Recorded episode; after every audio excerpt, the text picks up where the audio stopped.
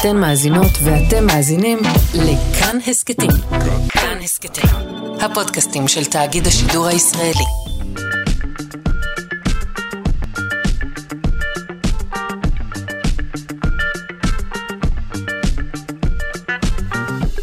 שלושה שיודעים.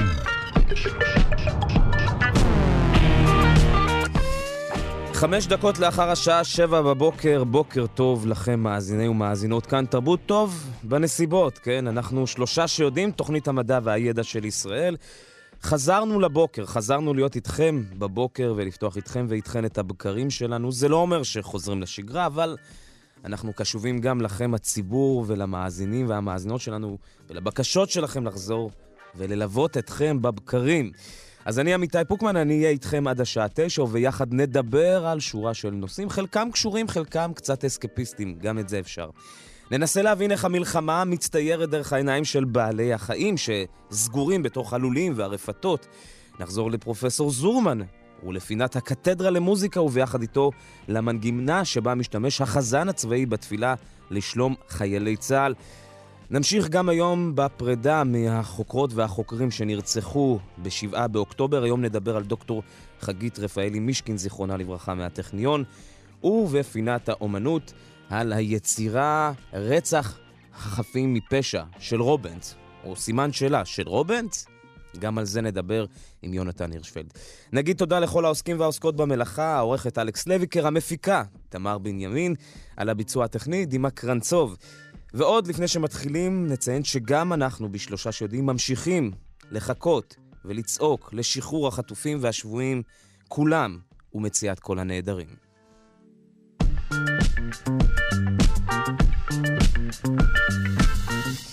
כן, אחד הסממנים של הימים האלה זה שאנחנו לאט לאט חוזרים למעברונים שלנו, אבל גם אנחנו ממשיכים עם עין פתוחה לכאן חדשות.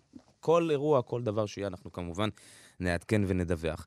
את הבוקר הזה אנחנו פותחים דווקא עם בעלי החיים, שהם לא צד במלחמה, אבל הם בהחלט אה, אה, חלק מהקורבנות, או אה, תכף נראה איך הם מביטים על המלחמה מהעיניים שלהם, עיני עדרי הרפת, האורוות, הלולים, כל אותם בעלי חיים שאנחנו מגדלים. דווקא באותם האזורים, מה אפשר לעשות למענם? נשוחח על כך עם יעל עצמון, יהל עצמון, קמעית ואשת חינוך מדעי ממכון דוידסון. בוקר טוב. אז אמרנו, אה, הם לא צד, כן? אין להם, זה לא שהם בעדנו או נגדנו, הם פשוט חיים שם כעובדה. הם, אה, הם במשק, בעוטף, ו, אה, והאמת שכבר, לצערנו, הם, הם כבר רגילים לרעשי המלחמה. אה, הם נחשפו אליהם לא מעט, אה, מן הסתם, אבל להגיד שהם רגילים, אני לא בטוחה עד כמה אנחנו יודעים להגיד אוקיי, אז שהם אני אשאל התרגלו את זה אליהם. בסימן שאלה. האם הם רגילים אני- לרעשי המלחמה? זו שאלה מצוינת, ואני לא בטוחה ש, שאנחנו יודעים לענות עליה באופן חד משמעי, אה, אבל אני חושבת שלכל מי שמאיתנו שיש כל, אה, כלבים ורואה שאנחנו לא מצליחים לגרום לכלבים, נגיד, להתרגל לאזעקות, או להתרגל לסופות רעמים, הם עדיין מגיבים באותה רמה של פחד, או לזיקוקים פעם בשנה, כיוון שגם מאוד קשה להסביר להם. ולהכין אותם מראש שתכף הולך לקרות משהו, אז אנחנו לא באמת רואים תהליכי התרגלות באופן מלא אה, אצל בעלי החיים, ולכן אני לא בטוחה כמה באמת אפשר להגיד שהם רגילים. אה, מעניין, זאת אומרת, גם ככל... באמת זיקוקים פעם בשנה זה איזה משהו מפתיע ולא מרגיל, אבל אה, לדוגמה, לחיות ב- ב- באופן שוטף ב- באותו, בסביבה שהיא סביבה עם אזעקות ועם אה, סטרס כמעט קיומי, בין אם שלהם, אגב, בין אם של מגדליהם. כן, זה לא, גם זה לא מרגיל אותם? אז אני באמת לא, לא בטוחה כמה אני יודעת לענות על השאלה הזאת, אני כן יכולה אבל להגיד שגם אנחנו לא מתרגלים. זאת אומרת, אנחנו כן מכירים בעצם תגובת אה, סטרס דחק קבועה, שבעצם שוחקת אותנו, וגם אם נדמה לנו שאנחנו מתרגלים, אה, אז אנחנו רואים ביטויים שלה בכל מיני דרכים, ואנחנו צריכים בעצם באופן כמעט מודע לטפל בה, בתחושת הלחץ שלנו, בתחושת הפחד שהיא מעוררת בנו.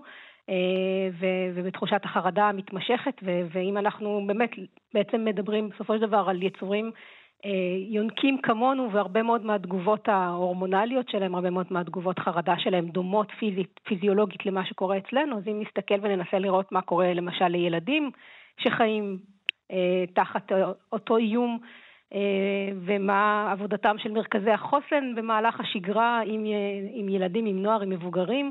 אנחנו בעצם מבינים שבאמת חרדה מתמשכת היא דבר ש, ששוחק גם אותנו וגם את בעלי החיים. Mm-hmm.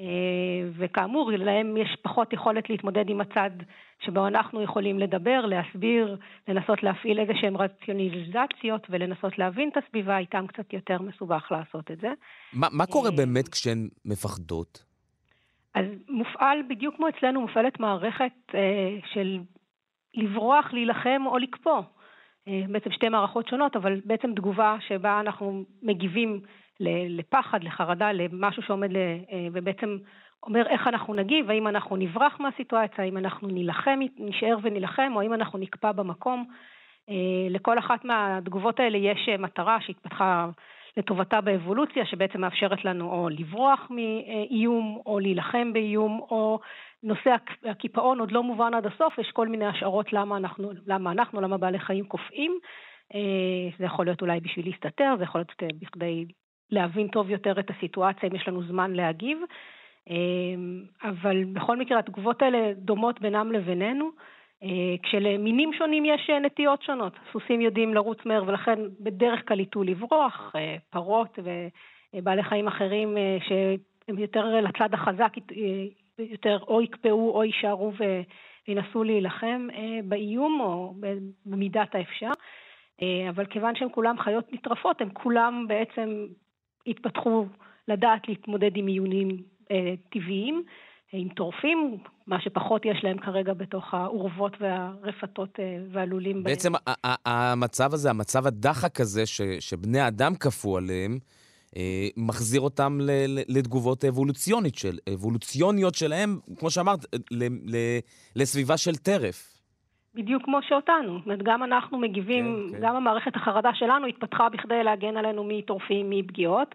אה, ואנחנו בעצם בגלל זה גם לפעמים מגיבים באופן שנראה לנו לא מתאים, כי, אבל זה מה שהמערכת שלנו יודעת לעשות, היא יודעת אה, להעלות את הדופק, להגביר את, החמ... להגביר את, את הנשימה, להעלות את רמת החמצן, להקטין את המעבר אה, דם למעי, כל הדברים האלה שמטרתם בעצם לאפשר לנו להילחם, כשבסוף אין לנו עם מה להילחם, זה באמת, אנחנו לא באמת מסוגלים להגיב. אה, לטיל שעומד להגיע אלינו. אז, אז בעצם המצב שלנו, במצב שלנו מאוד דומה מבחינה הזאת, אנחנו כולנו התפתחנו עם מערכת שאמורה לאפשר לנו להתמודד אה, במצבי דחק כנגד איומים טבעיים. והיא המערכת שפועלת גם כשהאיומים הם לא הדבר שעבורו היא התפתחה. אה, זה, ובאמת, אז uh, האם זה גם משפיע על תוצרי, לדוגמה אה, חלב של פרות שנמצאות במצב סטרס כמעט ממש ארוך ומתמשך, עם אזעקות וירי ו- וכל דבר שבעצם מכניס אותם לאותו מצב דחק כזה? אז בהחלט, אנחנו בהחלט רואים ירידה בתפוקה, צריך להגיד גם זו ירידה שקשורה במקרה של המלחמה הנוכחית, גם בעובדה שבמשך אה, ימים ארוכים לא היה מי שיטפל בהם, פרות מורגלות היום ברפתות לסדר יום מאוד אה, ברור, מתי אוכלים, מתי, בעיקר מתי נחלבים, וכמות החלב מותאמת לזה. המחסור בטיפול הוסיף עוד אה, מצב אה, אה סטרס על המצב של הרעש וה... אובדן השגרה בעצם. אובדן השגרה, באמת, המחסור גם זה יישמע זה, אבל מחסור באנשים מוכרים, mm. באנשים שהם רגילות שמטפלים בהם, בטח גם פרות, גם סוסים, מאוד קשורים ומכירים את המטפלים שלהם, ולכן גם זה הוסיף עוד רמה של דחק לסיטואציה, ולכן אנחנו בהחלט רואים ירידה ופגיעה אה, ביכולת, אה, כן, גם בייצור, ולכן הם.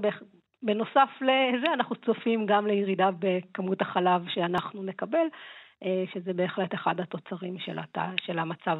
אה, יש הבדל, יש הבדל בין חיות משק לחיות בית בהקשר הזה? בהתנהגות, בתגובות? לא. לא, כולם, אנחנו מדברים על כולם על יונקים, לכולם יש מערכת פיזיולוגית מאוד דומה בנושא הזה של תגובה למצבי דחק. אנחנו כן אה, מדברים על זה שבעוד כלבים וחתולים אנחנו יודעים גם לקחת איתנו, כי הם קטנים ואנחנו יכולים לשנע אותם יחד איתנו, להרחיק אותם מאזורי אה, סכנה. אה, אז חיות גדולות זה הרבה יותר מורכב. אי אפשר להתחיל לפנות רפתות, אי אפשר להתחיל לפנות אורוות בכמויות מאוד מאוד גדולות, למרות שכן עושים את זה במידת האפשר. וכן קמו כמה וכמה ניסיונות לפתור בעיות כאלה בכדי באמת לנסות להזיז סוסים וחמורים מתוך אזורים, אזורי מלחמה. אבל אז בעצם אנחנו צריכים במקרה של חיות משק למצוא פתרונות במקום ולא רק לפנות אותם, מה שאנחנו יכולים לעשות עם חיות בית, אבל התגובה היא באמת תגובה דומה. כשלכל מין יש את הנטייה שלו, אנחנו יודעים שלסוסים יש השפעה של דחק על מערכת העיכול שלהם, שיכולה להביא לסיבוכים שפשוט נובעת מכך שיש להם מערכת עיכול מאוד ארוכה ומאוד סבוכה גם ככה. ובעיות עיכול, שזה אנחנו כולנו מכירים, שבזמן חרדה הבטן שלנו עושה דברים פחות נעימים, וזה חלק, מה, חלק מהתגובה, אז אצל סוסים יכולה באמת להוביל לבעיות יותר אקוטיות, שיכולות ממש להגיע לסתימת מעי. אנחנו הזכרנו אצל הפרות את הירידה בתפוקה של החלב, שגם היא תוצאה, גם אצל מטילות אפשר לראות ירידה בהטלות בתקופות כאלה, זאת אומרת, אנחנו באמת רואים כל מין את התגובה אצלו, אבל כולם באמת מגיבים לסביבה הזאת, ולכולם צריך לנסות לעזור במידת האפשר. אני רוצה רגע לדבר איתך על הטריגר, זאת אומרת, על, על החושים, כי mm-hmm. נכון שאנחנו יודעים שכלבים ובני אדם, בכלל בעלי חיים, מריחים אחרת, שומעים אחרת. אנחנו שומעים את אותו צליל, אבל שומעים אותו בצורה שונה כנראה. אז גם שומעים אותו בצורה שונה, וגם טווח השמיעה. בעצם יש דברים שאנחנו, שבעצם מערכות החישה שלנו לא יודעות לקלוט, ומערכות החישה של בעלי החיים כן יודעות לקלוט. אז הזכרת באמת ריחות, ובהחלט בתחום של שמיעה, אנחנו, הרגישות של אה, רוב בעלי החיים, בטח של פרות וסוסים, לצלילים גבוהים, שהם מלווים בעצם, שאנחנו בכלל לא, לא שומעים אותם, הם שומעים אותם, הם יכולים גם לעורר כאב אצלהם, מה שאנחנו מכירים אצל כלבים, אה, והם יכולים גם בהחלט לעורר אה, חרדה מאוד גדולה. אה, כי הם באמת שומעים דברים שאנחנו לא שומעים אותם. אה, מה שאומר שהם חווים את הסביבה באופן אפילו יותר רועש ומלחיץ ממה שאנחנו כרגע חווים. זאת אומרת, מקומות שלדוגמה אנחנו לא שומעים אזעקות, הם כן עלולים לשמוע ריחות? יכול, גם, גם לשמוע אזעקות ממרחקים גדולים יותר. וכל הדברים גם, האלה בהחלט, זה... בהחלט, גם להגיב לריחות, אה, רגישות לעשן שונה משלנו, גם להגיב באמת לריחות, אנחנו... צריך לזכור שבעצם הסביבה שנמצאת שם כרגע סובלת גם מכל מיני דברים, כמו רקבונות של מזון שנשאר מאחור, ו- mm. וצואה של בעלי חיים שלא טופלה, ודברים כאלה שיוצרת שם סביבה מאוד פעילה גם בצד הזה, שיכולה להשפיע אה, על ה... בעצם על הסביבה של בעלי החיים שם, של, ובהחלט להשפיע גם על התגובה שלהם. אז אנחנו מדברים באמת על שינוי מאוד מאוד קיצוני אה, בחיים של אותם בעלי חיים, באמת בלי שאנחנו באמת יכולים להסביר להם מה קורה כרגע. יש מה לעשות ב- ב- בימים הקרובים, ב- בשבועות אז, הקרובים? זה...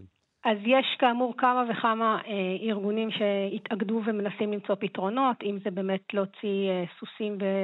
אה, וחמורים מאזורים כאלה לאזורים שהם יכולים לראות באופן יותר חופשי ולהסתובב ולנוע באופן יותר אה, אה, בטוח. אה, מתנדבים לטיפולים ברפת כי חסרים אנשי אה, עבודה ברפתות בכדי לקיים את השגרה עבור הפרות ולנסות לשמור להם על השגרה, שזה דבר שמאוד יכול לעזור להן. אה, אז יש כל מיני ארגונים וניסיונות כאלה, זה באמת דורש התמקצעות, זאת אומרת, אנחנו צריך לעבוד פה עם אנשי מקצוע שיוכלו להנחות את המתנדבים בכדי שהם יוכלו לעזור, אבל בהחלט יש מה לעשות, ויש גם מה לעשות בהסתכלות עתידית ולחשוב איך מגינים טוב יותר, ממגנים טוב יותר גם את, אה, גם את הרפתות ואת האורוות שלנו לטובת אה, מקרים כאלה. משהו אולי על חיות הבית, לדוגמה באשקלון, באשדוד, מקומות שקרובים, לא פונו בהכרח, אבל שומעים, מריחים את זה הרבה יותר טוב, גם שם יש מה לעשות? אז זה, יש, קודם כל, לשמור את בעלי החיים שלנו קרוב, מי שיכול, כל בעלי החיים, זה, אנחנו יודעים שגם שם יש לא מעט ארגונים שיורדים דרומה ואוספים בעלי חיים שנשארו מאחור, מנסים לאחד בין משפחות שעזבו לבין בעלי החיים שלהם, mm-hmm. לאמץ בעלי חיים אה, שנשארו מאחור בכדי שהם יקבלו אה, באמת סביבה תומכת בתקופה הזאת, בין אם זה אימוץ זמני ובין אם זה אימוץ קבוע. אה, ומי שיש לו, זה אז באמת לשמור על קרבה פיזית, צריך לזכור שבעלי החיים האלה באמת בסוף קשורים אלינו. גם חתולים, עד כמה שזה נשמע מפתיע, ומסתכלים עלינו באיזשהו מקום לייצר להם את המקום יותר רגוע. לשדר יותר... חוסן, כמו עם ילדים לשדר בעצם. חוסן, לשדר גם, חוסן. בדיוק אותו דבר. אה, ובאמת במידת האפשר, כמו שאנחנו מפנים אה, את עצמנו להתאווררות ולהתרחק מאזורים שמייצרים אצלנו חרדה ופחד, אז להשתדל לזה, לעשות אותו דבר עם בעלי החיים שלנו. אה, אני מכירה לא מעט בעלי כלבים וחתולים שמשתדלים לא להשאיר אותם לבד באזעקות, שזו גישה נכונה אם בעל החיים שלך נוטה להילחץ מהרעש. אז יש מה לעשות. פשוט להשתדל לזכור שגם הם איתנו. כבני הבית לכל דבר, ו- ו- ואז, זה כבר, ואז זה כבר מתניע את כל הפעולות, כי כשרואים אותם כחלק מאיתנו, אז כבר דואגים להם גם. יעל עצמון, קמעית ואשת חינוך מדעי ממכון דוידסון, תודה רבה לך על השיחה הבוקר. תודה לך, יום טוב.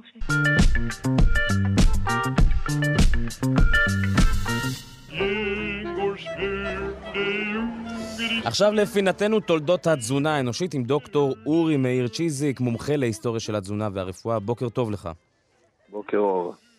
אנחנו רוצים לדבר איתך על מה המלחמה לימדה אותנו בכלל על שרשרת המזון, ומה חשוב לנו להבין וללמוד מהאירועים של החודש ושבוע האחרונים. אה, בוא נתחיל. אה, זו, זו לא מלחמה שגרתית, כי יש לנו פה שני אזורים שהם בעצם הבסיס לצריכת המזון שלנו כמדינה, גם הצפון, גם ובעיקר אה, חבל עוטף עזה. מה, מה, זה, מה אנחנו למדים מהחודש האחרון הזה? תראה, אנחנו, אנחנו יכולים ללמוד המון מהמשבר הנוכחי. בעצם אה, כלכלת המזון ושרשרת המזון שלנו נבחנת בתקופת משבר. במיוחד במשבר שמתרחש באזור הכפרי, האזור שבו אנחנו מגדלים את האוכל שלנו. ואני, כשאני מסתכל על המשבר ועל מה שאנחנו אה, רואים שקורה בו מבחינת האוכל שלנו, אז אני רואה ארבעה דברים אה, מאוד משמעותיים. הדבר הראשון שקרה ממש בתחילת המשבר, היה, אני לא יודע אם שמת לב, בטוח שמת לב, זה שכולם פתאום התחילו לבשל. כל בית וכל מסעדה הפכו לחמ"ל שהתחילו להכין אוכל. זה רק מראה כמה אוכל זה דבר משמעותי בקיום שלנו ובתפקוד שלנו, כי זה הדבר הראשון שכולם רצו להכין. גם רגשית וגם הישרדותית כמעט, אפשר כן? להגיד. ממש ככה. עד כדי כך בישלו כולם אוכל שכמעט התחלנו לכלות את המשאבים הקהילתיים שלנו, כי כולם רצו להכין אוכל ונוצרו עודפים, עודפים אדירים. לא, אני, אני זוכר שבימים הראשונים, הדבר הראשון שאמרו, לא להכין כל כך הרבה נכון, אוכל נכון. לחיילי צה"ל, כי זה נזרק, וחבל. זה היה עד כדי כך שהיה צריך לעצור, אבל מה שזה הראה לנו, דבר ראשון, זה שמה שעובד ועבד אה, במשבר הזה זו הרשת קהילתית. הקהילה מיד מיד התגייסה לטפל בעניינים האלו. אמנם אנחנו רואים, ואנחנו עוד מעט נגיד על זה מילה, שה... השירות הציבורי לא כל כך תפקד, אבל הרשת הקהילתית מיד התגייסה וזה זה קצת נותן תקווה, כי רשת קהילתית חזקה היא הבסיס להישרדות שלנו. Mm-hmm. אז זה הדבר הראשון. הדבר השני ששמתי לב אליו, שהוא היה בשלב הבא, זה שפתאום הבנו שיש לנו בעיה חקלאית. Uh, הבעיה החקלאית שלנו היא שחצי מהתאילנדים uh, פתאום החליטו uh, ללכת כי הם מפחדים. והחקלאים נשארו בלי ידיים עובדות. שזה אגב לא רק באזורי המלחמה, גם נכון. באזורים נוספים במדינה, המון המון פועלים תאילנדים שהיו הבסיס לעבודה החקלאית, פשוט עזבו. נכון, זו בעיה כלל ארצית, אבל תראה, זה משבר כללי בחקלאות. ואתה יודע, אנחנו לא יכולים לצפות להזניח את החקלאות 20 שנה ולא לראות בה נכס אסטרטגי ואז פתאום בשעת משבר שהיא תתפקד. זה בדיוק מה שהיה אמור לקרות. אנחנו לא מטפחים את החקלאות, המדינה מי... לא תומכת בחקלאות, ובגלל שהיא לא רואה בה נכס אסטרטגי ותומכת בה, כשמגיעים למשבר, אז הוא הרבה יותר אה, קשה. אז אומנם ההתנדבות עכשיו, אני רואה התנדבות אדירה מצד הציבור, שהולכים וקוטפים וזורעים ושותלים ומטפלים וכולי, אבל זה, אתה יודע, זה פלסטר לטווח הקצר, ומי לא, שלא מתערב, אבל, אבל, להתערב. אבל אתה אומר את זה ב understatement, תסלח לי. זה לא שהיא כן. לא רצתה לקדם את החקלאות, היא ניסתה לקדם בדיוק הפוך. היא ניסתה בדיוק. לקדם סחר מחוץ. נכון, מ... נכון, עוד, שנייה, אבל חכה עוד נדבר על השיווק. אנחנו עוד ממש בחקלאות עצמה, המדינה הזניחה את החקלאות, לכן היא לא מתפקדת. המדינה לא נכנסת עכשיו, אתה יודע, מתחת לאלונקה. המדינה לא אומרת לחקלאים, עכשיו הדבר הראשון שהיה צריך לקרות זה שהמדינה, משרד החקלאות, היה צריך להגיד לחקלאים, חבר'ה, אני נכנס איתכם לעסק הזה. אני מחזיק אתכם, אני תומך בכל בן אדם, אני אתן שכר לכל בן אדם שירצה לעבוד בחקלאות. לפחות בינתיים, ואחר כך אני אשקיע ואני אצור פה דור חדש של חקלאים. אבל לא, המדינה לא אומרת את זה. ואת התוצאות של המשבר הזה מבחינה חקלאית, אנחנו נראה בעוד אה, חצי שנה או שנה. Mm-hmm. אם לא, אם לא נתפכח ונשקיע בחקלאות. אז זה היה הדבר השני. הדבר השלישי ששמתי לב אליו, זה העניין של השיווק. אתה יודע, אחד הדברים המדהימים שאני כל הזמן מדבר עליו זה שאנחנו כבר אין פה שווקים, אין פה שוק. אנשים קונים את הירקות והפירות שלהם בסופר. Mm-hmm. פתאום הבנו שיש בעיה עם הסופר. שיש בעיה עם לקנות תוצרת חקלאית. שהאינטרס כן? שלו והאינטרס שלנו לא תמיד חופפים פשוט. בדיוק, הסופר רוצה לעשות כסף. כן. הוא רוצה להביא לנו עגבניות מטורקיה, הוא לא רוצה לקבל את כל הסחורה. יש מחסור, הוא יעלה את המחירים. Mm-hmm. ופתאום התחיל פה גל של אה, שווקים. אני הסתובבתי, אתה יודע, הסתובבתי, אני משכנע, מנסה לשכנע אנשים לקנות uh, בשוק וללכת לירקן, אומרים לי, מה, לעמוד בתור, הרבה יותר קל לקנות בסופר. עכשיו בדיוק הסתובבתי, ביום חמישי הייתי ביישוב לפיד, ליד מודיעין. ראיתי התקהלות כזאת ענקית של אנשים, אמרתי, מעניין מה קורה פה, מיד עצרתי את האוטו, ירדתי, ראיתי שוק קטן של אה, חקלאי עטף. אנשים עומדים בתור, אין סופי, שעה עומדים בתור. זאת אומרת שאנשים מבינים את החשיבות, הם מוכנים לעמוד בתור גם שעה כדי לקנות ירקות מקומיים. וזה מה שצריך לקרות. זאת אומרת, השאלה היא האם אנחנו אה, נזכור את זה גם אחרי המלחמה. אז אני, אני רוצה לחזור איתך, ברשותך, דוקטור מאיר צ'יזיק, אה, להיסטוריה. אה, זאת לא מלחמה ראשונה שבה אה, שרשרת המזון נפגעת ו- ו- והחקלאות נפגעת. יש לנו מה ללמוד מההיסטוריה, מאיך אה, שיקמו, איך שחזרו, איך פיתחו מחדש אפילו ענפים שלמים שנפגעו בהיסטוריה הישראלית, ואגב, לא רק. כן, כן. אה, אני אגיד שהמפתח שאנחנו רואים בעולם, לאורך ההיסטוריה, אתה יודע, בישראל לא הייתה לנו מלחמה רצינית מאז שהפסקנו לתמוך בחקלאות. אבל ממה שהיה לפני כן, וממה שאנחנו יודעים בעולם, הדרך היא כמובן להשקיע. המדינה צריכה להשקיע בחקלאות ולשקם את השירות הציבורי. זו הדרך. המדינה צריכה לשים את הכסף כדי להניע את הכלכלה. אם אני מדבר על כלכלת המזון, אז זה אולי אחד הדברים הכי חשובים. היא צריכה להשקיע בדור חדש בחקלאות, היא צריכה לממן את החקלאות, ממש כמו שהמדינה דואגת שיהיה לנו חשמל, זאת אומרת שהיא צריכה להגדיר מההתחלה שזה לא בהכרח עסק רווחי. אה, בדיוק. כמו, כמו קווי האוטובוס, לדוגמה, בפריפריה, שהיא מסבסדת אותם, היא צריכה לקבל החלטה שחקלאות נכון. היא לא עסק רווחי. לא לנסות להתחרות בזה. נכון, חקלאות היא לא עסק רווחי, חקלאות היא נכס אסטרטגי. זה שינוי הדיסקט שהמדינה צריכה לעשות, זה הבסיס לפתרון. גם בשאר המדינות המפותחות, אני לא אדבר על מדינות אה, עולם שלישי, שאני מניח שהן אה, הרבה יותר אה, מבוססות חקלאות, אבל המדינות המערביות האחרות גם הן ככה, או שאנחנו מקרה מיוחד ולכן צריך לדבר בצורה אחרת? תראה, אנחנו מקרה מיוחד באי התמיכה שלנו בחקלאות. צריך להגיד שאם ניקח לדוגמה את האיחוד האירופי, והאיחוד האירופי רואה בחקלאות נכס אסטרטגי, ואומר, אני רוצה שיהיו, אה, אתה יודע, אה, חקלאים צעירים, אז הוא מקדם חקלאים צעירים ומסבסד אותם ומממן אותם. אני רוצה שתהיה חקלאות ידידותית לסביבה. אז הוא מממן חקלאות ידידותית לסביבה. זאת אומרת, באיחוד האירופי, תקציב החקלאות ביחס לגודל הוא בערך פי 15 מהתקציב של, מדינה, של החקלאות של מדינת ישראל. Mm-hmm. והם משקיעים אותו כדי לקדם את החקלאות מתוך הבנה שזה נכס. ושהאחריות על הנכס הזה היא של המדינה. וזה מאוד משמעותי. אני רוצה שנדבר לקראת סיום גם על קיימות, אם יש בכלל אה, כן. אפשרות להתעסק בקיימות כשאנחנו במלחמת, אה, במלחמה, במין חוויית הישרדות כזו, האם יש לנו בכלל זמן לחשוב גם על כדור הארץ? אז, אז ממש ככה, לדעתי זה חלק מהתהליך אה, שאנחנו עוברים. אתה יודע, אני הייתי בעפולה לפני כמה זמן, במקום שבו גרים המפונים, יש שם 50 או 60 או 70 משפחות מפונות, אני לא זוכר בדיוק, ובאמת אחד הדברים המדהימים שקרו שם זה שבהתחלה הם היו מקבלים חמגשיות. היו מקבלים אה, חמגשיות, ובאיזשהו שלב הבינו שזה גם לא מקיים וגם מאוד ארעי. אתה יודע, כשאתה אוכל מחמגשיות כל היום, אתה לא מרגיש בבית. ואמרו, בואו נעשה שינוי משמעותי.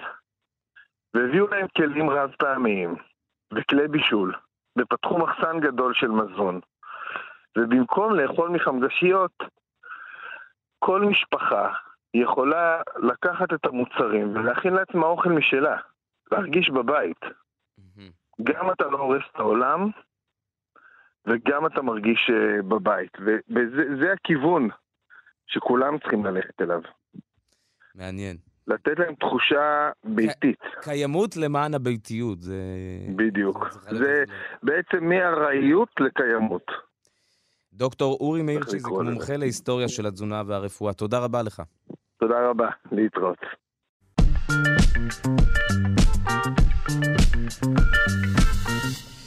עכשיו אנחנו בקתדרה למוזיקה, נגיד אה, בוקר טוב לפרופסור משה זורמן.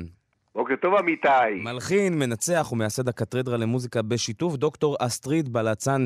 שלום לך. בלצן. בלצן. כמה, כמה קמצים ופתחים אפשר להוסיף. ואתה יודע, אני איך הגדלתי את המסך כדי לראות את הניקוד כדי, אתה יודע, זה, זה כמו לרכוב על אופניים. אה, הרי בסוף תפסתי את זה, ועכשיו זה ברח לי שוב. לא, בדיוק, אני... לא, צריך להאשים את ההוריה שנתנו לה שם כזה. לא, לא מאשים. אני... טוב, נאשים מישהו, נמצא, אנחנו, הוריה אולי אשמים, אבל הם לא אחראים. זה כן. צריך בימים אלה חשוב לזכור. אמיתי, מה אני רוצה, איך אני רוצה היום לספר לך סיפור? אנחנו רוצים, אני רוצה היום לספר לך על...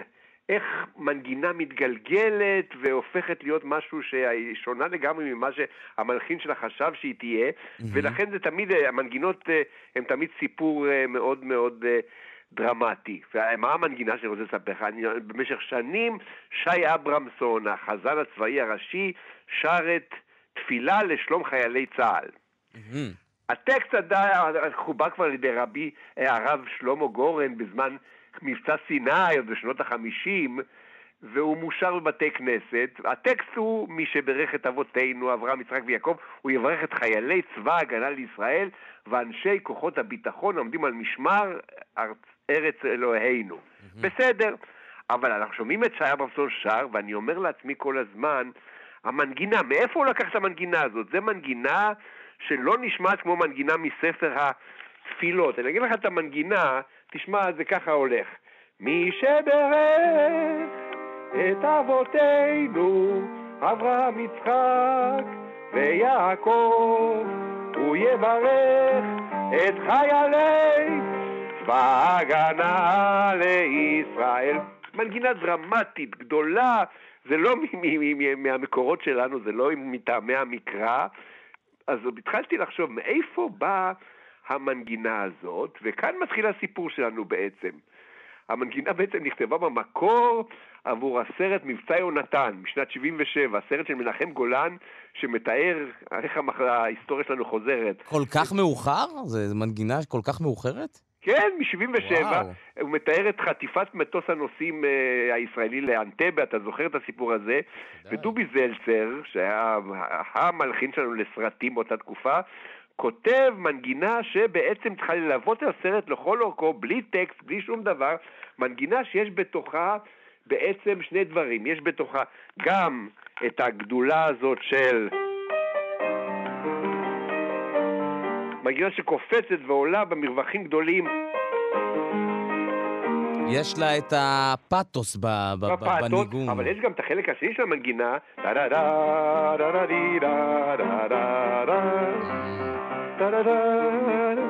שזה נשמע כמו מנגינה באמת של סרט, מה שקורה אקשן הוליוודי, כן. שזה בדיוק מה שרצו לעשות בעניין הזה. אז אני רוצה שנתחיל, בואו נשמע מתוך הסרט שלנו את התמונה שבה החיילים יוצאים אה, למבצע, יורם גאון בתפקיד יוני נתניהו נושא כמה דברים, אבל ברקע תשמע כל הזמן את ה... את המנגינה של דובי זלצר, זאת התחלת המסע שלנו. אז בואו נשמע מתוך הסרט מבצע יונתן, את, יונה, את, את יוני נתניהו, יורם גאון מדבר, ואחר כך המנגינה לאט לאט משתלטת ומראה לנו את יופייה. אנחנו יוצאים למבצע במרחק של אלפי קילומטרים מהארץ כדי להציל ישראלים. וזאת רק בגלל שהם ישראלים ויהודים. מפני שאם אנחנו לא נעשה את זה, אף אחד אחר לא יעשה את זה בשבילנו. זה מבצע ארוך ומסובך, ואני רוצה להדגיש שהצלחת המבצע, או כישלונו, תלויים רק בנו. אני מאמין שנצליח, ושנחזיר את האנשים האלה בשלום הביתה. שיהיה בהצלחה.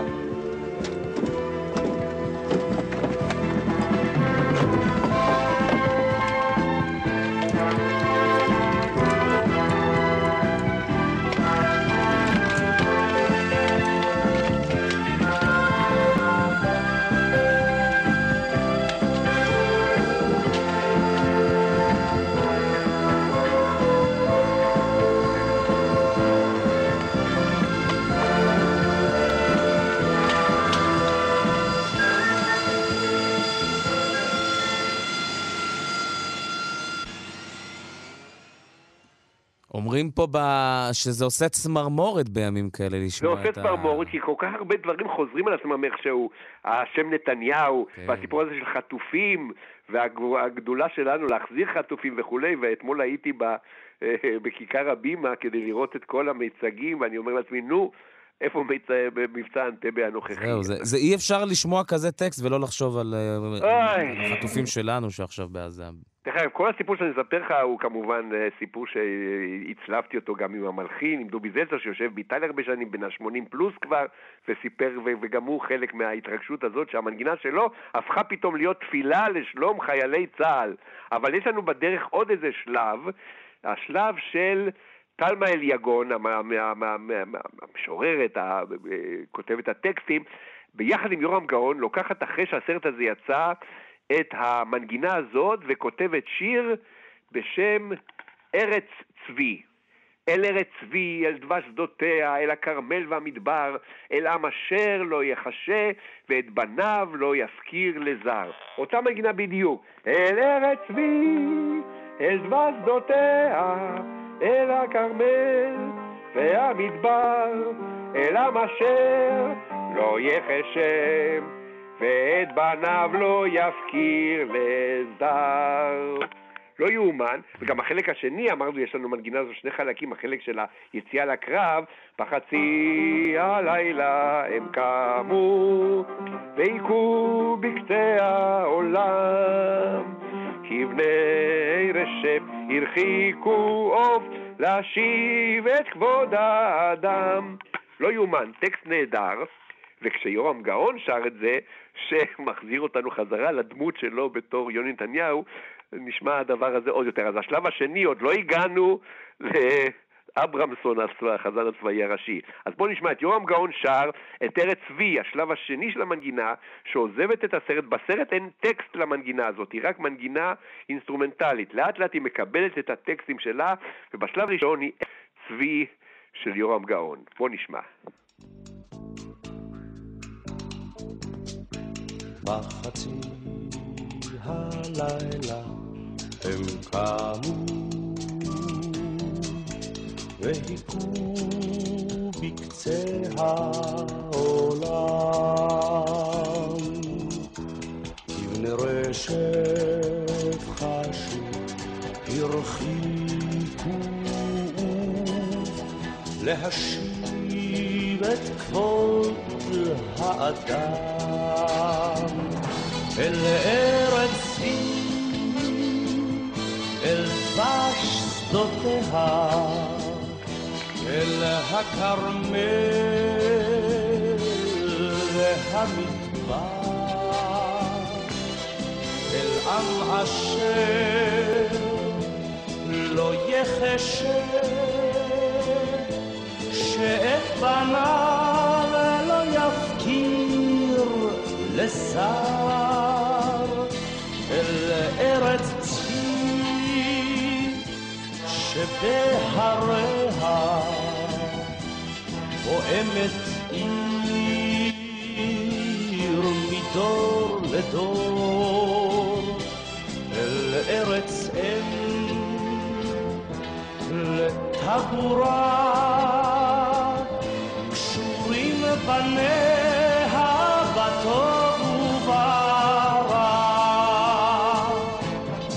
עמיתי, זה השלב השני שלנו, בדרך אל... וגם פה טקסט אה, אה, אה, מצמרר.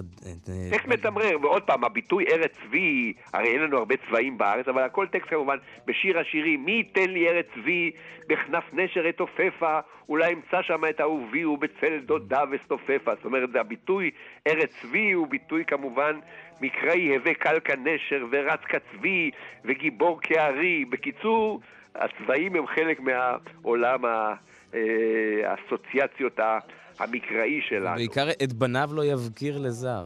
ואת בניו לא יזכיר לזר, בדיוק.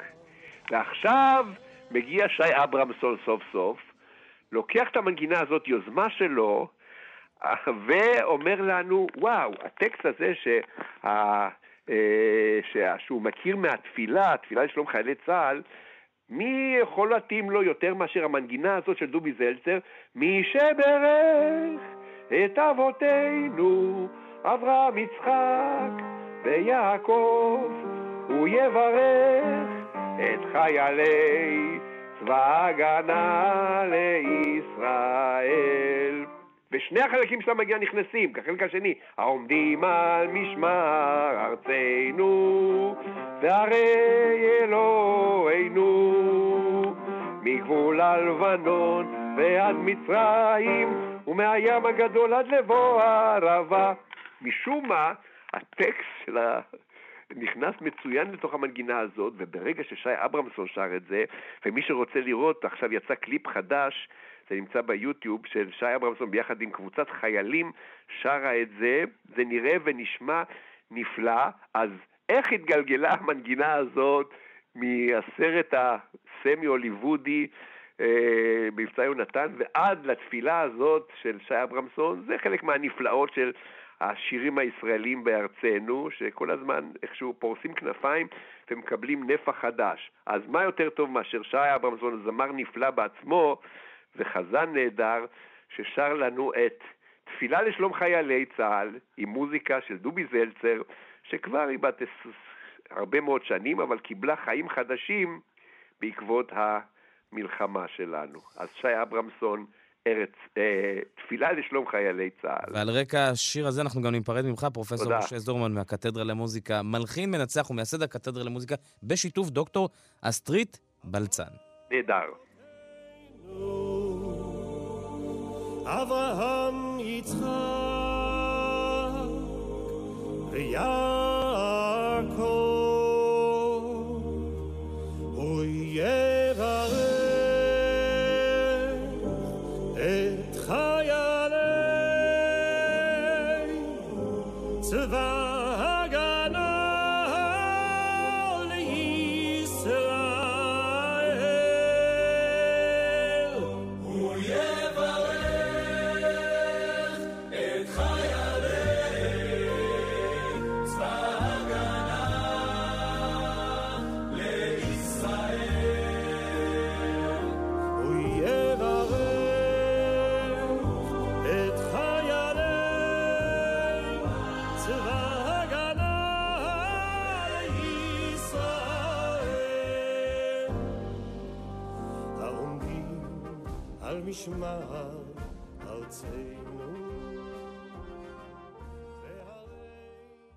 את השעה השנייה אנחנו רוצים להקדיש כדי לחזור ולהיפרד מהחוקרות והחוקרים שנרצחו ב-7 באוקטובר. היום אנחנו משוחחים על דוקטור חגית רפאלי מישקין, זיכרונה לברכה.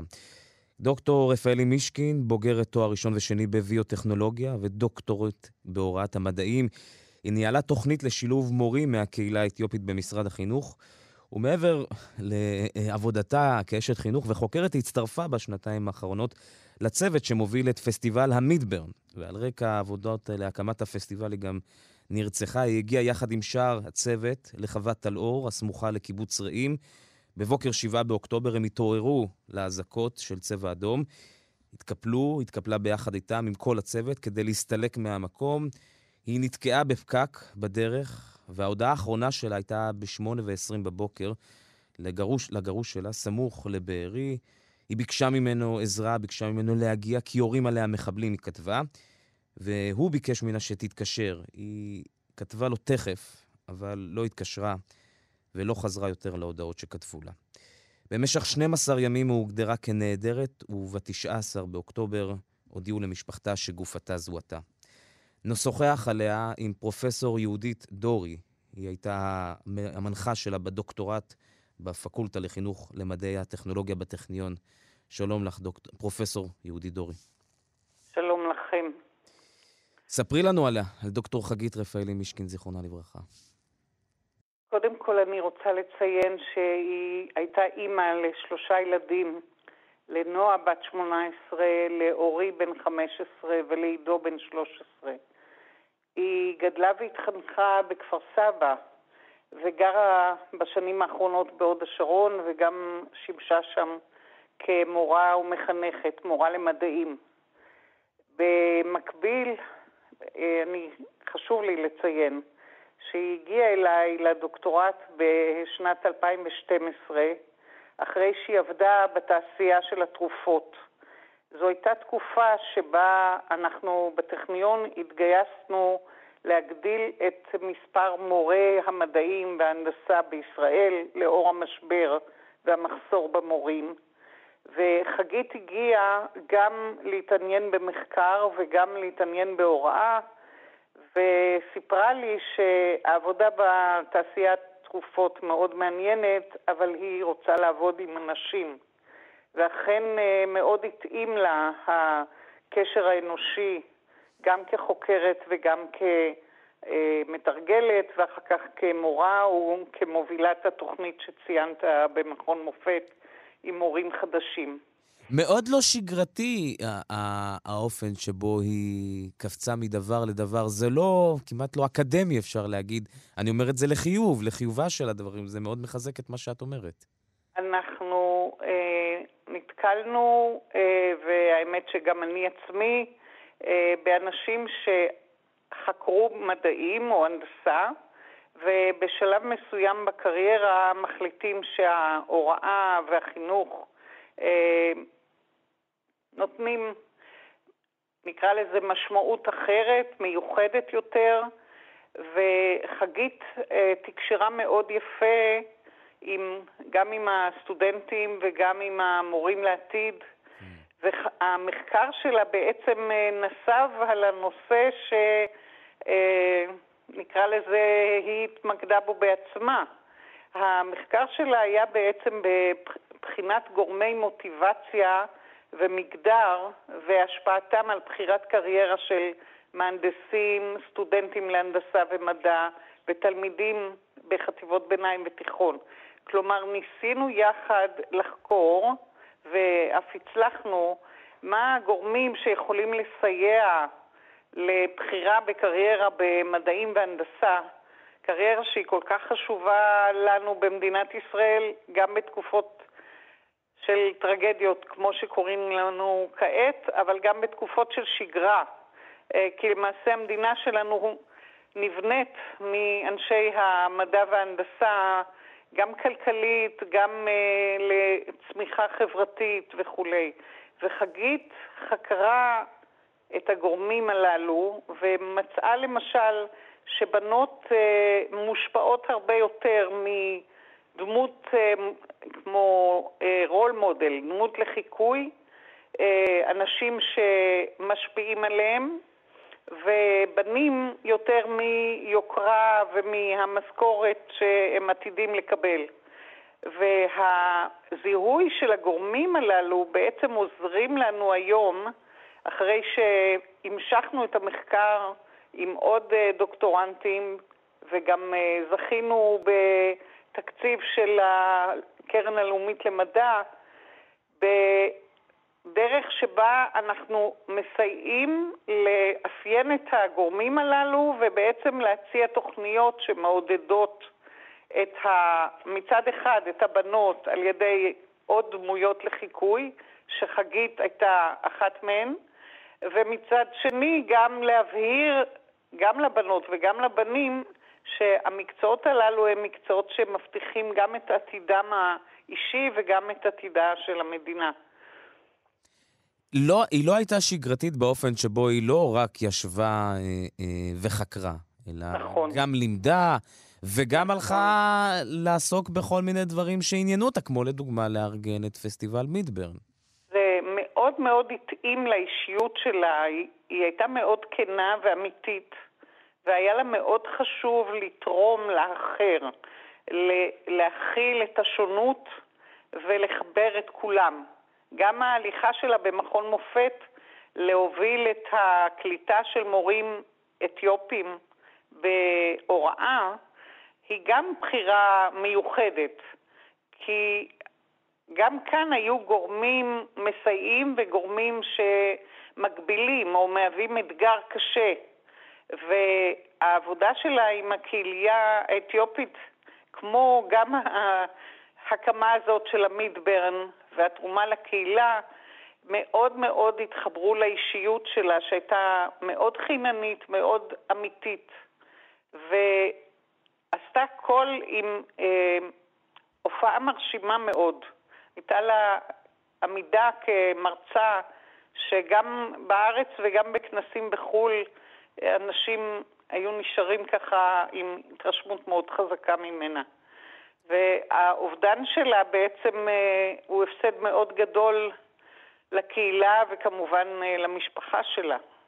את זוכרת את השיחה האחרונה ביניכן? השיחה האחרונה שלנו זה פשוט אה, הגורל.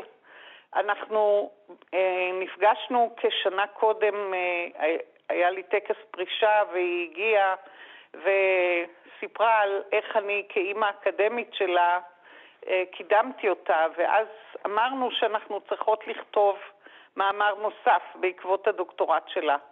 וממש שבועיים לפני הירצחה הייתה לנו שיחה מאוד uh, פורייה על הנתונים ועל uh, חומרים שמהם נכין את המאמר הזה, וממש עשינו guidelines כאלה, ראשי פרקים למאמר שייכתב, וכעת אנחנו מרגישים, עוד אנשים מהקבוצה שלי ואני, שאנחנו חייבים להוציא את המאמר הזה שחגית ממש שבועיים לפני הירצחה אה, תכננה יחד איתי לכתוב, וכמובן שהמאמר יוקדש גם אה, לזכרה.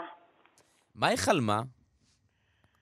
היא חלמה להמשיך ולהשפיע על מורים בישראל, על תלמידים בישראל, וההליכה שלה גם להוראה בנוסף למכון מופת הייתה שוב בהתאמה לתחושת קהילתיות והמסירות שהייתה לה, והיא פשוט הרגישה שהיא צריכה לעשות כמה שיותר למען אחרים. אנחנו לא הבנו אפילו למה היא כל כך אה, אה, נמרצת ועוסקת בכל כך הרבה דברים, אבל כנראה שאיזושהי תחושה פנימית שהזמן שלה קצוב גרם לה בעצם לתרום במספר רב של חזיתות. ואכן תרמה, ולא רק באקדמיה, גם uh, ללימוד uh, הוראה וגם לקהילה בכלל, ומידברן, ולהוראה, למורים uh, מהקהילה האתיופית. אבדה עצומה, עצומה. כל אחד עולם ומלואו, ובאמת אנחנו עוברים אחד-אחת, פשוט אבדה עצומה. דוקטור חגית רפאלי מישקין, זיכרונה לברכה. פרופסור יהודית דורי מהפקולטה לחינוך למדע וטכנולוגיה וחוקרת בכירה במוסד שמואל נאמן למחקר מדיניות לאומית בטכניון. תודה רבה לך. תודה רבה לכם.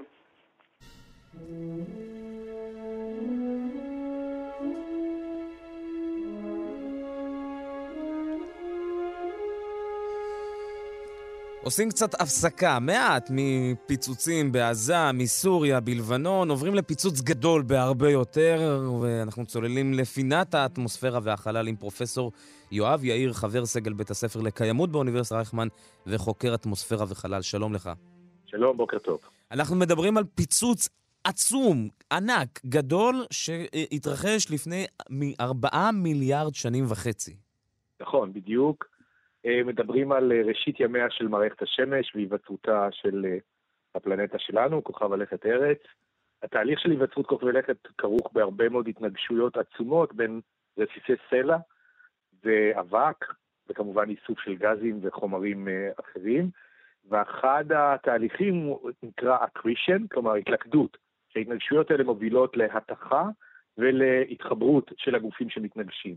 עכשיו, כדור הארץ נוצר, כמו כוכבי הלכת האחרים, בהתנגשויות רצופות ומתמשכות, כמו שאמרת, שהחלו לפני בערך 4.6 מיליארד שנים, mm-hmm. ואחרי כ-100 מיליון שנים, כלומר לפני 4.5 מיליארד שנים, כבר יש לנו אה, כוכב לכת אה, די גדול, ולפתע מגיח כוכב לכת בערך בגודל של מאדים, שזה אומר אה, בערך 3,400 קילומטר אה, קוטר, לעומת כדור הארץ, שאנחנו יודעים שהקוטר שלו הוא 12,800 אה, קילומטר, אז אה, זה לא כוחות, כמו שאומרים, אבל אה, המסה והאנרגיה יחד חוברים להתנגשות עצומה אדירה של אותה פלנטה קדמונית, שהשם שלה בחוגים של הגיאופיזיקה הוא טאיה, או טיה. אז טיה מתנגשת בארץ, קורעת ממנה חלקים לא קטנים שניתזים למסלול הקפה סביב כדור הארץ, הקדום, וברבות הימים מתמצקים והופכים לירח שלנו. איך קורה... זאת ההתנגשות האדירה. רגע, נ, נ, תכף נדבר על, על מה אה, קרה בעקבות ההתנגשות, אבל איך בכלל שני כדורים כאלה מגיעים למסלול של התנגשות?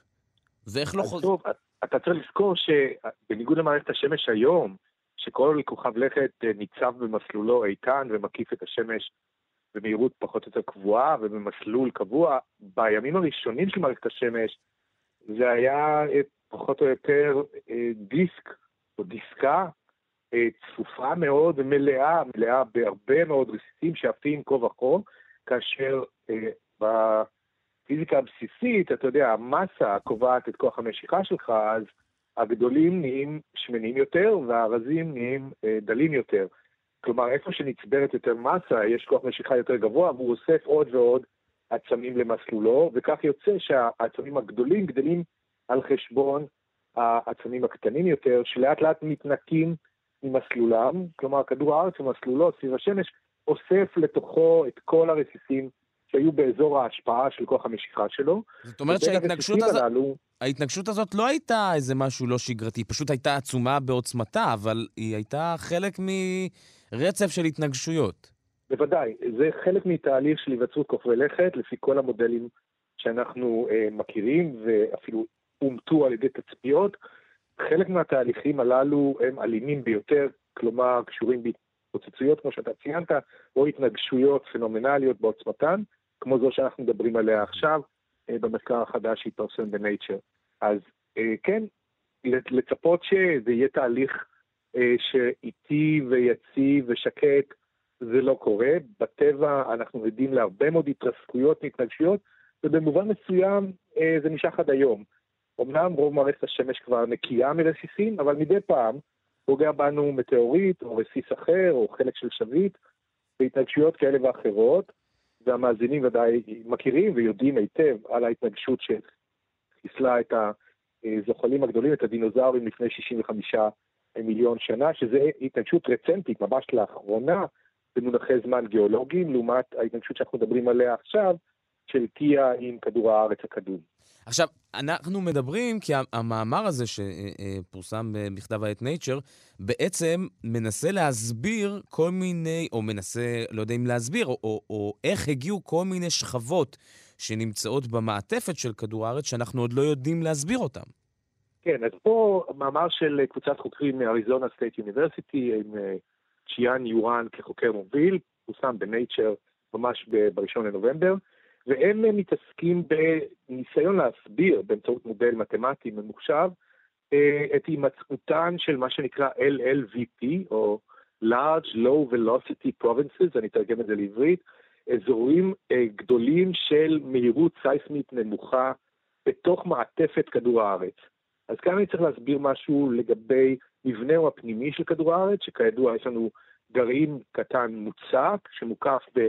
שכבה של גרעין נוזלי, מותח, של ניקל וברזל, ומעליו שכבת המעטפת, המנטל, המעטפת שלנו שהיא במצב מותח, פלסטי, תערובת של סלעים ומתכות, ובתוך המעטפת הזאת, השכבה התחתונה ביותר שלה, יש מה שנקרא אנומליות גדולות כאלה, או, או אם תרצה גושים, בגודל של בערך יבשות, אבל שקועות עמוק עמוק עמוק בתוך המעטפת התחתונה של כדור הארץ, ונקראות כאמור LLVP, ולמה הם uh, low velocity? כי כשעושים uh, אנליזה סייסמית של מעבר גלים דרך uh, בטן כדור הארץ, מגלים באמת שיש אזורים כאלה עצומים שבהם מהירות הגלים פחותה ב-2 עד 3.5 אחוז לעומת המעטפת הרגילה, וזה מאפשר לנו לזהות ואפילו למפות בסוג של טומוגרפיה סייסמית את מבנהו הפנימי של כדור הארץ. והקבוצה של יואן, אה, שיודעת, וכמובן השאלה היא מזה הרבה מאוד שנים, מה גרם להיווצרותם של ה-LLVPs האלה, הם העלו השערה שזה בעצם האקדח המעשן לאותה התנגשות קדומה לפני 4.5 מיליארד שנים. כלומר, מה שאנחנו רואים זה את הרסיסים או השרידים של טיה, של אותה פלנטה קדומה, קדומה בגודל של מאדים כאמור, שפגעה בכדור הארץ הצעיר, והרסיסים שקעו לעומק של המעטפת.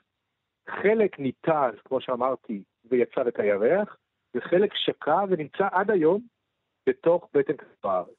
מדהים, זאת אומרת שאם אני מבין, ותקן אותי אם, אם, אם לא הבנתי נכון, כתוצאה מההתנגשות ניתזו כל מיני חלקיקים שהתלבשו על מעטפת של מה שאז היה מעטפת הכדור. חלק באמת יצר את הירח, אבל חלק התלבשו בתוכנו, ועל זה המשיכו להתלבש שכבות נוספות אחר כך?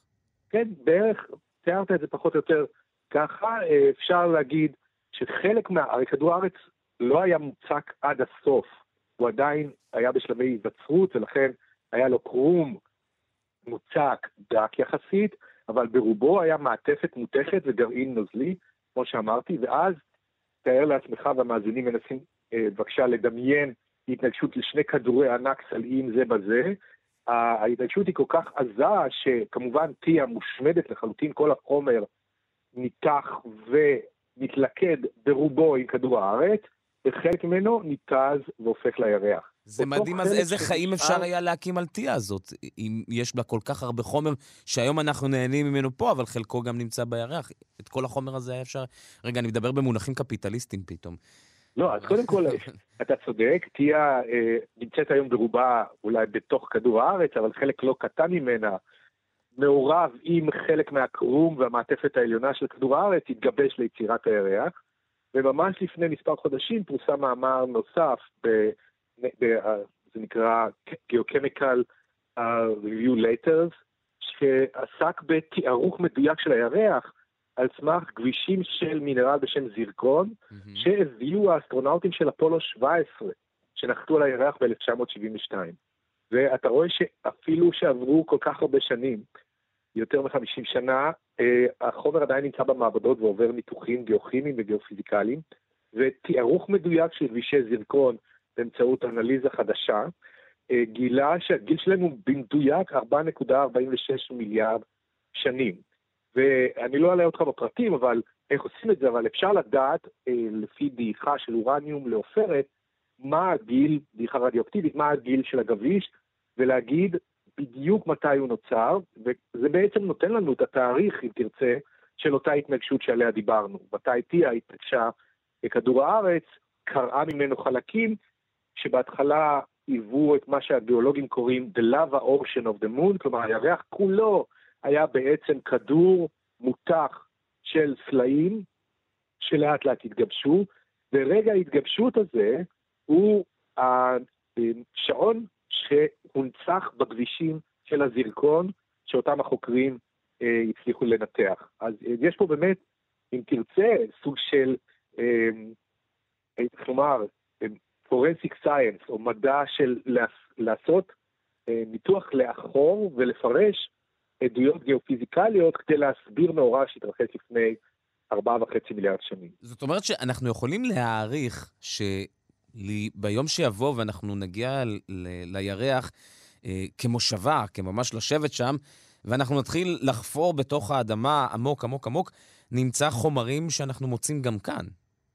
כן, האמת היא שזה כבר אנחנו יודעים, שפני השטח של הירח בחלקם מכילים מינרלים שבמובהק אה, הגיעו מקרום כדור הארץ, אבל הירח עשיר יותר בברזל מאשר אה, הממוצע של כדור הארץ, מה שנותן אה, רמז די עבה לכך שחלק מהירח איננו מכדור הארץ, Hmm. וכאמור הוא מטיע, ואם משימת ארתמיס לחזרה אל הירח אכן תצא לפועל בעשור הנוכחי, אז אה, מה שאתה אמרת מדויק, אנחנו נגור על הירח ויהיו שם מדענים ויבצעו קידוחים לעומק, לא כמו האסטרונאוטים של אפולו, היום יש טכנולוגיות הרבה יותר מתקדמות, ויביאו דגימות משכבות הרבה יותר עמוקות, מה שיאפשר לנו במדויק להבין גם מאיפה הגיע טיה, כן? מאיפה הגיע כוכב לכת בגודל של מאדים, איפה הוא נוצר, האם בקצוות הרחוקים של אה, מערכת השמש הצעירה, כלומר, מעבר למסלולו של מאדים, היכן ששוכנת היום חגורת האסטרואידים.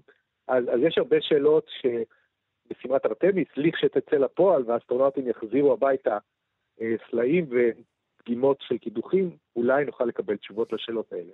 אז שאלה לסיום עלינו פה בכדור הארץ, האם אנחנו יכולים להסיק שביום מן הימים גם אנחנו אה, נתכסה בשכבה נוספת? האם בעצם אנחנו לא בשכבה הסופית? אנחנו בשכבה סופית מבחינתנו כרגע במהות החיים, אבל יכול להיות שביום מן הימים תהיה התנגשות נוספת שתעטוף את שכבתנו העליונה בשכבה שתייצר חיים מעלינו? לא, אני לא חושב שזה סביר, אם כי באופן מטאפורי, כל הזמן כדור הארץ אוסף אה, חומר מהחלל, וצומחים עלינו רסיסים דקיקים של אבק, אם תרצה לקרוא לו אבק קוסמי, או שאריות של אבק שיש במערכת השמש, והן צולחות דרך האטמוספירה השאריות האלה ומגיעות לפני הקרקע, ואני נותן לסטודנטים שלי באוניברסיטת רייכמן אה, תרגיל, ואפשר לעשות אותו גם פה, אה, כל אחד, לשים נייר נקי של נייר סופג, ולאחר שבוע או שבועיים אתה לוקח אותו למיקרוסקופ ובודק אותו אה, תחת ההגדלה, ואתה רואה שיש שם כל מיני רסיסים, רובם המוחלט כמובן, זיהום אוויר עירוני או אבק מדברי, ישראל עשירה בו, אבל אחד, אחד או שניים מתוך אותם גרגירים שאתה תגלה, הוא למעשה אבק ממערכת השמש, ממטאוריטים שנשרפו, מרסיסים של אבק של כדור הארץ גרף במסלולו, אז זאת השכבה שעליה אתה מדבר, שלאט לאט מתווספת אה, לכדור הארץ. אנחנו כל הזמן טיפה טיפה משמינים, אבל לא תהיה התנגשות כבירה אה, שכזאת, כמו זו שדיברנו עליה במחקר של יואן וחבריו, אה, כי מערכת השמש כבר לא מכילה כאלה גופים שנעים במסלולים, אתה יודע, אקראיים כללו, שיכולים לחצות אותנו. יש סכנה, ואני לא אכחיש את זה, של התנגשות עם גופים בסדר גודל של 100 קילומטר, אסטרואידים קטנים, ואת זה ממפים ועוקבים אחרי זה אה, בקפדנות גדולה כדי למנוע ככל האפשר התנגשות עם אסטרואיד כזה, שיכול אה, להביא לתוצאות הרסניות מבחינה אקלימית, כמו שחוו הדינוזאורים לפני 65 מיליון שנה. אנחנו צריכים עוד איזה אה, מערכת בנוסף לכיפת ברזל ולחץ ושרביט צנית, זה, זה משהו כזה לאסטרואידים. אבל זה פה צריך כולם לעבוד, לא רק אנחנו הישראלים, שגם החברים האחרים יעזרו לנו. אז פרופס... עובדים על זה, אתה תתפלא, אבל, אבל וואלה. בדיוק זאת המחשבה, כן, יש מחשבה על זה, קוראים לזה, ואפילו ניסו את זה לא מזמן, אני חושב שכאן בתוכנית אה, דיברתם עם דוקטור דוד פולישוק, והוא הסביר על המשימה של הסטת אסטרואיד ממסלולו למקרה שחס וחלילה נצטרך לעשות את זה, אז היכולות הטכנולוגיות קיימות. לא כמו בסרט ארמגדון. זהו, זה מה שבאתי וויליס, להגיד, כן. ששם... אה, כולם חושבים שצריך לפוצץ אותו, אבל לא צריך לפוצץ אותו, פשוט להזיז אותו טיפה מהמסלול, ואז הוא יחטיא אותנו. בסוף זה כל הסיפור, צריך להזיז אנשים מהמסלול ולא לא לפוצץ אותם. פרופסור יואב יאיר, חבר סגל בית הספר לקיימות באוניברסיטת רייכמן וחוקר אטמוספירה וחלל. תודה רבה לך. חן חן ויום נעים ושקט לכולנו.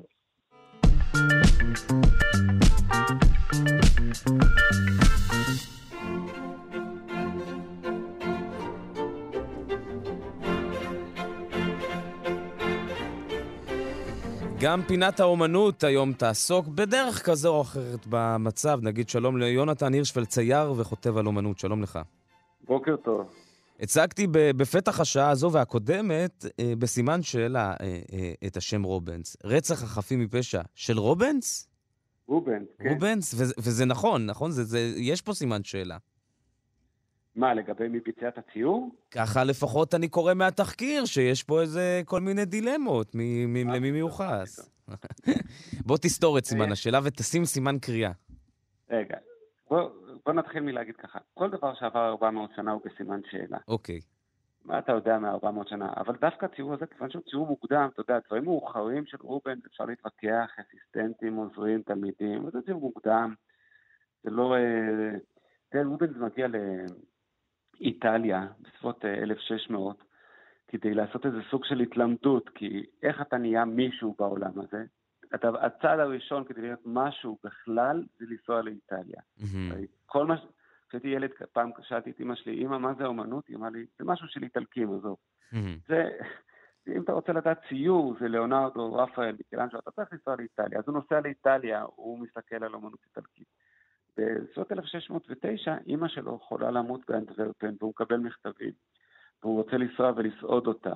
זו כמובן נסיעה מאוד ארוכה, והוא לא מגיע בזמן, הוא יגיע בזמן רק להלוויה, אבל הוא זה. והציור הזה מצויר מיד כשהוא מגיע לאנטוורפן, והוא מצויר על רקע האירועים שלימים אנחנו נכנה אותם, אה, או ההתחלה של מה שאנחנו נכנה מלחמת 30 השנה, זאת אומרת, באמת הזוועות והקטסטרופות ומעשי הרצח ההדדיים של קתולים ופרוטסטנטים ברחבי אירופה. והציור הזה הוא אה, שלושה דברים מעניינים. קודם כל, הוא סיכום, הייתי אומר, אה, כמו שאתה בבית ספר, אתה מקבל מהמורה ספר ואתה צריך לעשות בוק ריפורט, זה הבוק ריפורט של כל מה שהוא ראה באיטליה בעשור האחרון. יש כאן דמויות שנראות כמו פסל של מיקלנג'לו, יש כאן קומפוזיציות של לקוחות מהפיסול הרומי העתיק, יש כאן אה, הבנה שהוא, של צבע ושל אה, חלוקה של המבנה התמונתי מטיציאן. למשל, אני מפנה את תשומת ליבם של המאזינים שהתמונה, אוי, לא העליתי אותה עדיין לאתר. אה, מיד אחרי הפינה אני אעלה אותה לאתר, אז המאזינים יוכלו אה, לראות שרובנס חוסם את הפינה הימנית של הציור ופותח את הפינה השמאלית לתוך העומק. זה Mm. תרגיל שהוא למד מטיציאן. כן, טיציאן עושה את זה, הוא שם איזה עץ בכניסה לציור מצד ימין, או איזה מבנה, או איזה דמות עם שמלה, ואז הצד השני פתוח לאופק. אז פה יש מין מבנה אה, חצי עמוד כזה, ש... אה, כן, קודם כל אתה, בצד הימני אתה רואה את הדרמה, את הדמויות שהורגות, רוצחות, רומסות, תכף נדבר גם עליהן, ובצד השני הציור כאילו נמתח למעמקי הציור. מהמם. זה כל כך הרבה זמן לא הייתה פינה ששכחתי שצריך להעלות את הדימוי לאתר, אה, לעמוד. הדבר השני שאני רוצה להגיד על הציור אחרי האמירה הזאת, זה שיש כאן המצאה, וההמצאה הזאת תהפוך להיות בעצם הצליל המרכזי של הברוק של המאה השנים הבאות. וזה השילוב בין כל מיני דברים אה, ש... שהם דרמטיים, ריאליסטיים, קלוז-אפ, משחקי אור צל, שרירים, שאפשר לראות בציור איטלקי, עם איזה משהו צפוני, אה, פתוח יותר לנוף, אה, יותר עשיר בפרטים. כי אם אתה מסתכל על הברוק האיטלקי, אתה שם לב שבברוק האיטלקי אין עולם.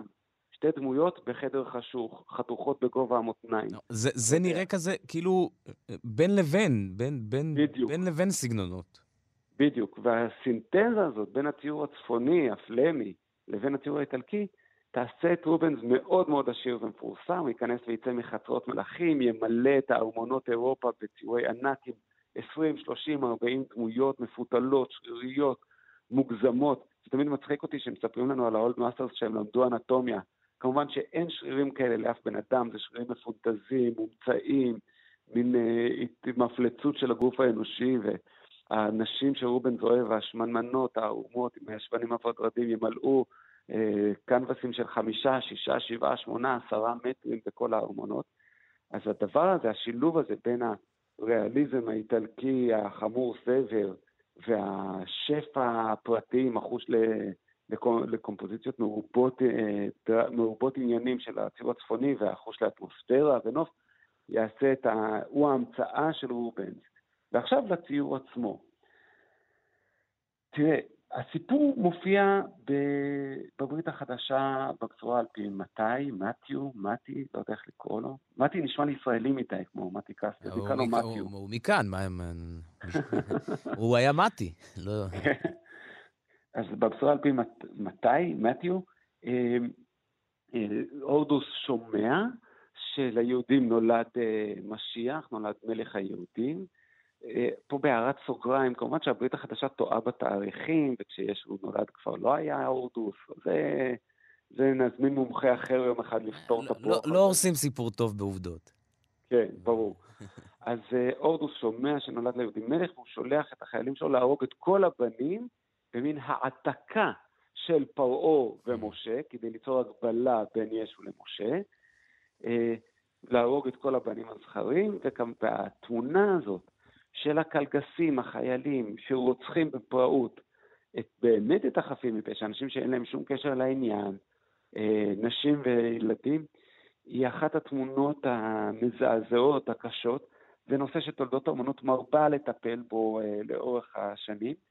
היא גם תמה שתרמה משהו להשתרשות אה, ארכיטיפים אנטישמיים, ואולי גם על זה כדאי להעיר משהו. כן. כי על פניו היה צריך להיות תמונה שפותרת את היהודים מאנטישמיות, כי הם חורגים ילדים ואנשים יהודים, כי סך הכל זה האנשים... בעצם, בעצם צריך לזכור שעד אה, בערך שנה, 200 לספירה, כולם יהודים בסיפור.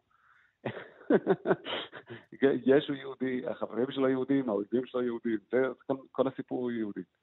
מלחמות, לא סתם, זה מלחמות היהודים. כן, כן.